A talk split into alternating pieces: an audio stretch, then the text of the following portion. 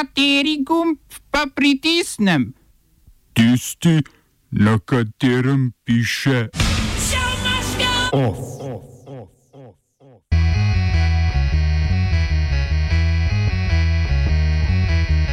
Na vrhu EU voditelji držav članic o naslednji sedemletni finančni perspektivi. Na jugu Tunizije protestniki dosegli zaprtje naftnega črpališča. Slovenija mora prosilcu za azil zaradi protipravnega izgona na Hrvaško plačati odškodnino v višini 5000 evrov. Poslanci državnega zbora bodo o zaprtju trgovin ob nedeljah odločali jeseni. Hrvaška medijska in kulturna situacija pred in med epidemijo.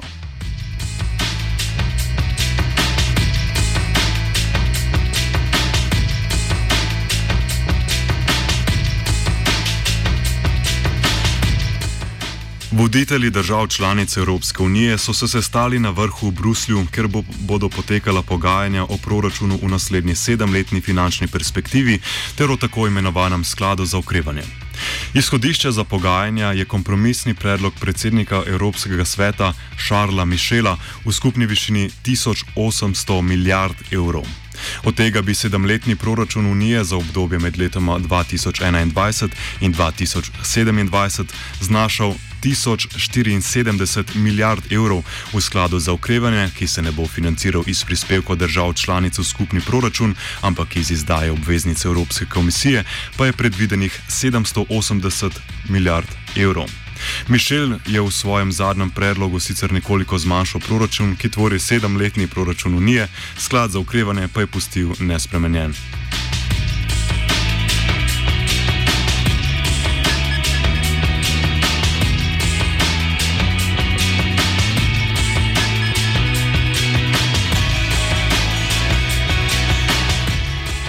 V skladu za okrevanje so po trenutnem predlogu dve tretjini sredstev predvideni za nepovratna sredstva, tretjina pa za posojila.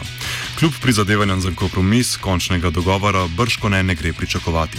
Razhajanja med državami so tako glede obsega sredstev, razmerju posojil in nepovratnih sredstev, kot tudi glede izračunov tako imenovanih nacionalnih ovojnic.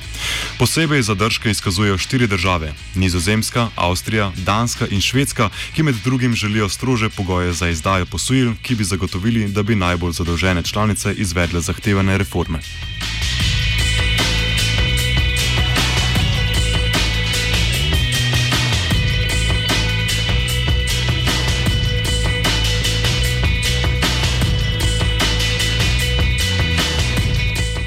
Nemško ustavno sodišče je razsodilo, da imajo nemška policija in obveščevalne službe prekomeren dostop do osebnih podatkov uporabnikov interneta ter mobilne tehnologije. V sodbi so za neustavne označili predpise, ki zadevajo dostop do popisnih podatkov, kot so imena in rojstni datumi in njihovo obravnavo. Pri tem ni sporen sam dostop do tovrstnih podatkov, temveč pomankanje predpisov, ki bi natančno določili in omejili namene, za katere se lahko ti podatki uporabljajo. Zaradi odločitve sodišča bo med drugim moral biti spremenjen nemški zakon o telekomunikacijah.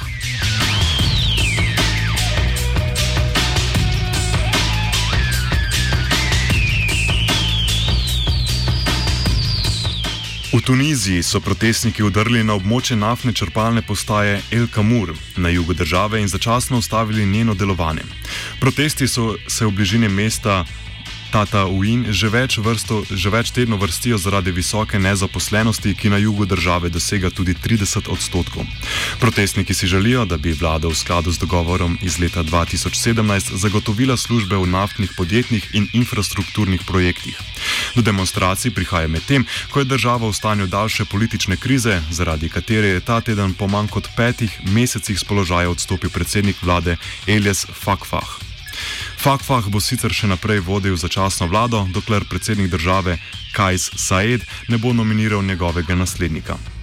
Dan po uradnem odstopu je tako Fakfah že razrešil več ministrov iz stranke Inantha, s katerimi je v sporu. Oba, če, če bom odgovoril na angliški. Slovenija will try to help.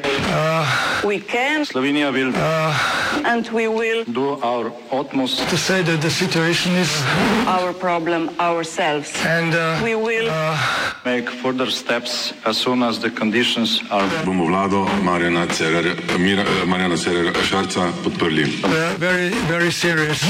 from Slovenia. we know how and we will. Upravno sodišče je odločilo, da bo morala Slovenija kamerunskemu prosilcu za azil plačati 5000 evrov odškodnine zaradi kršenja človekovih pravic. Gre za prvo odločitev sodišča, da kaznuje protipravno ravnanje policistov v Sloveniji, ki imigrante, ki nelegalno prečkajo mejo, kljub izra izraženi prošnji za azil predajo hrvaški policiji. Kljub temu, da je o podobnih zgodbah pričalo več migrantov, slovenska policija do sedaj ni priznavala nelegalnih praks. Upravno sodišče je v sodbi po poročanju dnevnika na 176 straneh opredelilo položaj policistov in migrantov oziroma prosilcev za azil na južni meji. Ob tem je obsežno razložilo, zakaj je ravnanje policistov v nasprotju z evropskimi pravnimi normami na področju migracij in varovanja meje.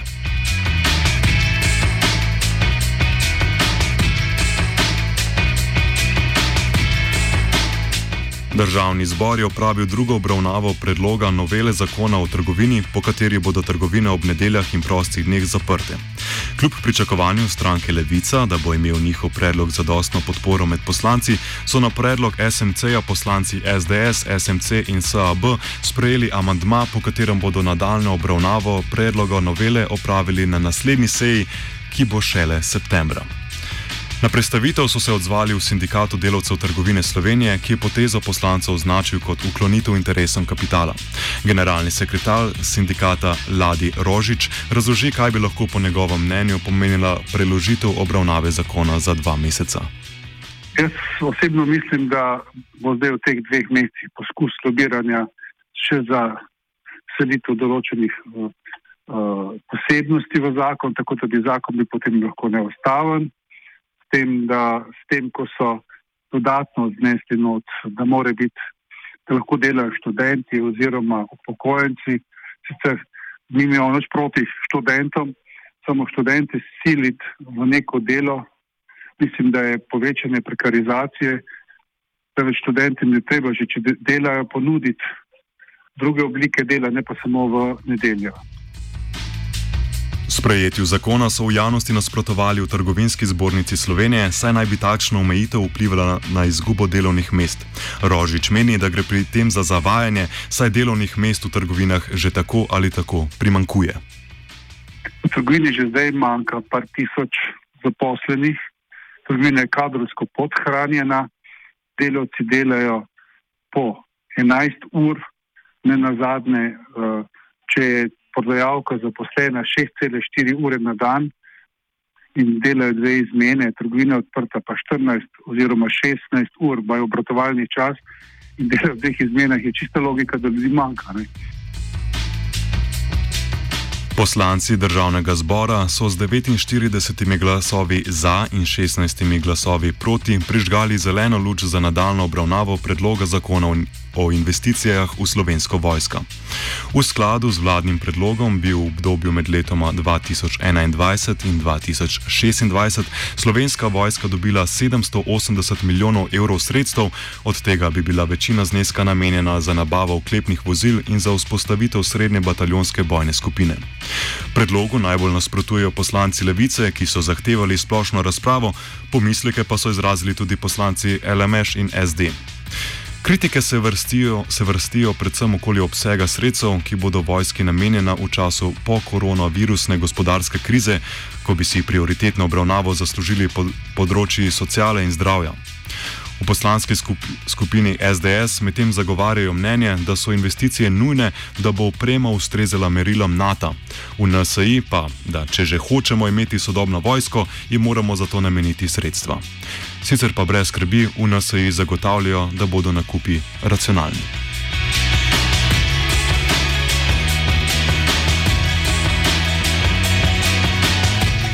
Prilagoditev aplikacije za obveščanje o, o stikih z okuženimi s koronavirusom gre v roke podjetju RS Team. Ministr za javno upravo Boštjan Koritnik je s predstavnikom podjetja Primožem Cigojem podpisal pogodbo vredno 4026 evrov z DDV, kar je približno desetkrat manjši znesek od razpisnega pogoja vlade in manj od ostalih petih ponudnikov, ki so se odzvali na poziv Ministrstva za javno upravo. Rok za prilagoditev aplikacije, ki bo temeljila na odprtokodni nemški aplikaciji Corona Warn App, je 1. august. Kljub določitvi v zakonu, da je namestitev aplikacije obvezna za tiste osebe, ki jim je bila odrejena karantena, to po besedah koritnika za zdaj ni predvideno.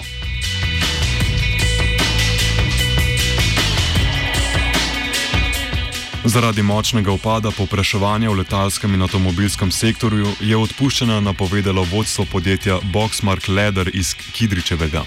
V podjetju, v katerem proizvajajo in predelujejo usnjene izdelke, so sicer letos že pred korona krizo odpustili okoli 300 ljudi od 450 zaposlenih, del proizvodnje pa zaradi nižjih stroškov dela preselili na Hrvaško in v Bosno in Hercegovino. Do konca septembra naj bi odpoved dobilo še nadaljnih 350 oseb.